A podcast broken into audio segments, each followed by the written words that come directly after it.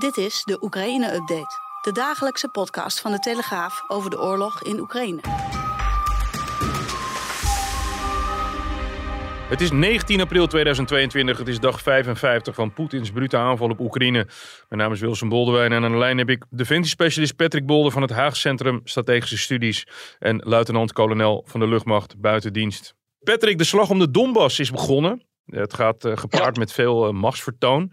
Uh, tussendoor hebben we ook nog het zinken van dat, dat slagschip, de Moskwa, gehad. En ehm, er zijn wat, toch wat aanvallen uitgevoerd op andere steden in Oekraïne, hè? onder andere Lviv. Heeft dat dan toch te maken met het zinken van het schip, denk je? Nou, zeker die eerste aanvallen op Lviv. Um dat lijkt inderdaad wel een, soort van wraakactie te zijn op het zinken van de Moskva. Die dag daarna hoorden we ook eh, berichten, de Russische claim dat zij een uh, Oekraïns vrachtvliegtuig zouden hebben neergeschoten in de buurt van Odessa. Dat heb ik verder niet meer bevestigd gezien. Dus weet je, alles in deze oorlog draait om informatie en desinformatie. Dus we moeten heel voorzichtig zijn met wat er nu allemaal wordt geroepen door deze en gene. En er is pas waar als het bevestigd is. Dus, en dat maakt het soms wel eens moeilijk om nou precies te bepalen wat er nou aan de hand is. Nou, die beschietingen in Lviv, dat was volgens mij eerste paasdag of tweede paasdag. Die lijken inderdaad wel te zijn gebeurd. En het lijkt ook wel alsof dat is gebeurd als een soort van wraakactie voor het zinken van de Moskwa. Maar ook rond Kiev heb je gezien dat daar ook weer uh, nieuwe raketten gevallen zijn. En zo wordt toch wel heel Oekraïne continu scherp gehouden, zeg maar. En de bevolking uh, bang gehouden voor wat nog gaat komen. En ook om gewoon angst in te werken bij de mensen om te hopen dat ze tegen Zelensky gaan zeggen van joh, stop er nou mee met die oorlog en laten we een stand afkondigen.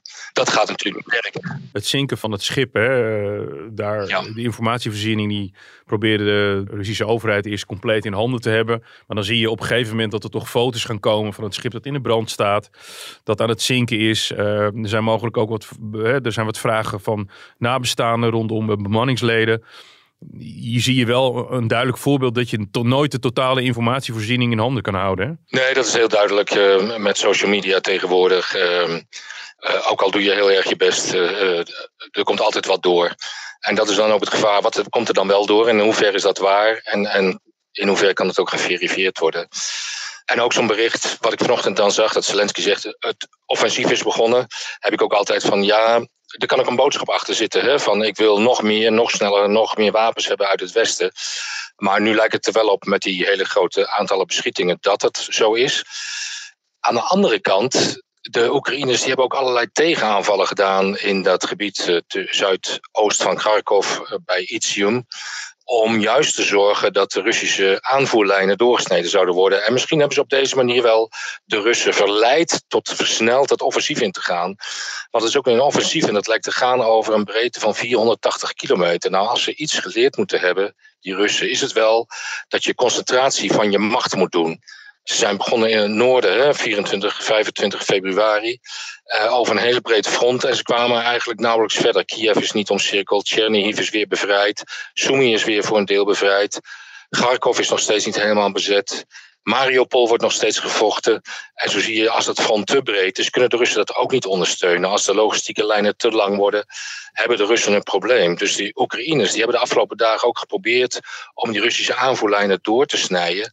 En dat heeft misschien ook wel geleid tot het versneld inzetten van het offensief over een te breed front, wat dan ook weer heel slecht kan uitpakken voor Rusland. Er is een nieuwe uh, Russische ja, oorlogsleider, hè? Uh, generaal ja, Vornikov. Die wordt de slager van Syrië uh, ja, genoemd. Ja, Terwijl de Syrische oorlog was natuurlijk gewoon een heel ander soort oorlog. Hè? Ja, het was een, een burgeroorlog tegen een zittende president. En, en dit is echt een invasieoorlog tegen een autonoom land.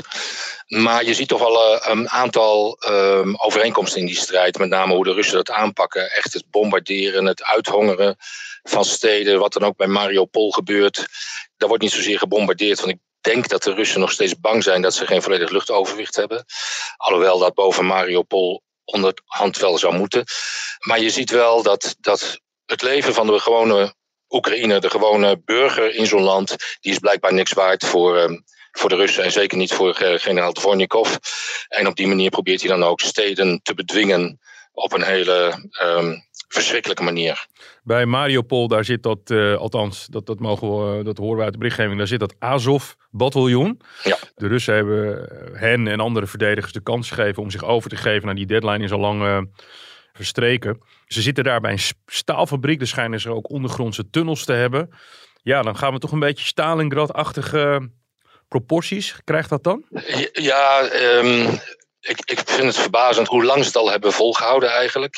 Um, het, volgens mij duurt het daar nu al drie weken, die strijd. En, en ten noorden van Mariupol hebben de Russen alles al in handen.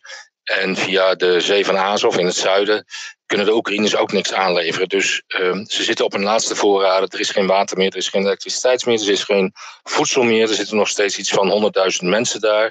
En een onbekend aantal strijders, zo'n 2500 wordt geschat. En wat daar nou nog van over is. Ja, deze stad eh, die gaat gewoon vallen. De, um, de Azov-strijders en wat zich daar nog bij aangesloten heeft, die zijn teruggetrokken op die staalfabriek. Er zitten ook een hoop burgers in.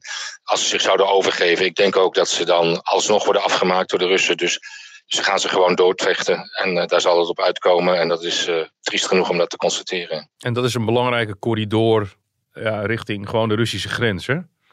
Nou ja, de, um, eigenlijk hebben ze die corridor al, uh, al bevestigd uh, door gewoon noord van Mariupol al die aanstellingen te doen vanuit de Donbass-regio en Rusland naar de toegang tot de Krim via Melitopol. Dat is al eerder gevallen. Hè? Daar was toen die burgemeester ook uh, ontvoerd en er was een andere burgemeester neergezet. Maar dan nog, dan beheers je dat misschien militair. En er zitten geen Oekraïnse militairen meer. Maar als je daar weer mensen neerzet straks, die zullen toch ook partisanenacties gaan doen. Wat de Russen waarschijnlijk gaan doen, is een soort van uh, referenda organiseren daar. Waarvan de uitkomst al vaststaat dat die mensen onder Russisch bewind willen leven. En daarmee zal Zelensky onder druk worden gezet van ja, kijk eens, geef dat nu maar op. Want de mensen hier willen toch gewoon niet onder jouw bewind leven, maar wel onder dat van, van ons, van Rusland. De Amerikanen die hebben uh, ja, weer gigantische uh, hoeveelheid wapens in het uh, vooruitzicht gesteld, waaronder zware houwitsers. Ja, ja. 155 mm, waar tot een, een, kilometer of 30 mee kan worden uh, geschoten. Zie je nu ook dat, hè, eerst waren het vooral antitankwapens, stingers. Uh, nu zie je dat er echt gewoon uh, dit soort wapensystemen worden geleverd. Alhoewel, die zijn misschien in het begin ook al wat, wat eerder geleverd. Maar nu met 40.000 granaten. Dus de Amerikanen ja. die bereiden hen ook voor op een ander type oorlog nu, of niet? Nou ja, het wordt echt nu een, een, een uitputtingsslag, attritieoorlogvoering. Um, ik weet niet of die wapens inmiddels al zijn gekomen in de Donbass-regio, maar ze de Oekraïners uh, uh, ze kunnen gaan gebruiken. Je kan ze niet zomaar even verplaatsen. Hè. Het zijn echt uh, hele grote jongens die op diepladers moeten worden vervoerd of per trein. En de Russen zijn ook al bezig geweest om die treinaanvoerlijnen, die spoorlijnen te targeten, om te zorgen dat die wapens er niet kunnen komen. Dus ik weet niet in hoeverre die daar al zijn. Maar als ze er wel zijn en ook de levering van tanks, ja, dat lijkt toch meer een, een ouderwetse slag te worden van zware middelen tegen zware middelen. Terwijl de, de Oekraïners juist hebben bewezen dat ze heel effectief zijn met kleine mobiele teams, met, met die Javelin anti-tank uh, raketten. En zo echt heel veel schade hebben kunnen veroorzaken aan de, aan de Russen. Het is de vraag of ze dat ook zo kunnen doen uh, in de strijd om de, de Donbass. Het is lastig om te zeggen in hoeverre de terreinomstandigheden zich hier beter lenen voor zo'n zo'n grote tankslag. Dat je ook van de wegen af kunt gaan. De weersomstandigheden zijn niet ideaal. Er valt heel wat regen. Ik weet niet hoe de bodem daar is. Maar het is wel ideaal terrein voor een tankslag. En die is volgens mij ook in de Tweede Wereldoorlog in 1942 in dat gebied gevoerd. Door de Duitsers tegen de Russen. En als dat zo is, als dat zo'n grote tankslag wordt en zwaar staal tegen zwaar staal, ja, dan vrees ik dat de Russen meer zwaar staal hebben dan de Oekraïners. En uh, dat het dan wel eens heel bloedig kan worden aan de Oekraïnse zijde. Ja, en jij als uh, oud uh, luchtmachtman, althans, je bent nog steeds... nee, ik ben buiten dienst. Je bent ja. buiten dienst, ja. ja. Dan wordt het luchtwapen natuurlijk extreem belangrijk. Want vanuit de lucht ben je kwetsbaar. Uh, we weten dat de Oekraïnse luchtmacht nog niet helemaal is uh, uitgeschakeld. En er zijn natuurlijk al wat discussies geweest van... moeten we nou oude Russische straaljagers van de Oostblok... NAVO-leden uh, naar, naar Oekraïne overhevelen? Hoe kijk je daarnaar?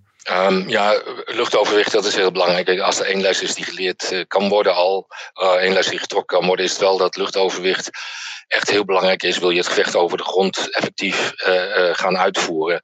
Ik denk dat de Russen eerder luchtoverwicht hebben in uh, de Donbass-regio, omdat ze natuurlijk al een paar jaar met eenheden zitten in Donetsk en Luhansk, die opstandige provincies. Het is ook dichter bij waar de Russische eenheden, de zware Russische eenheden zijn.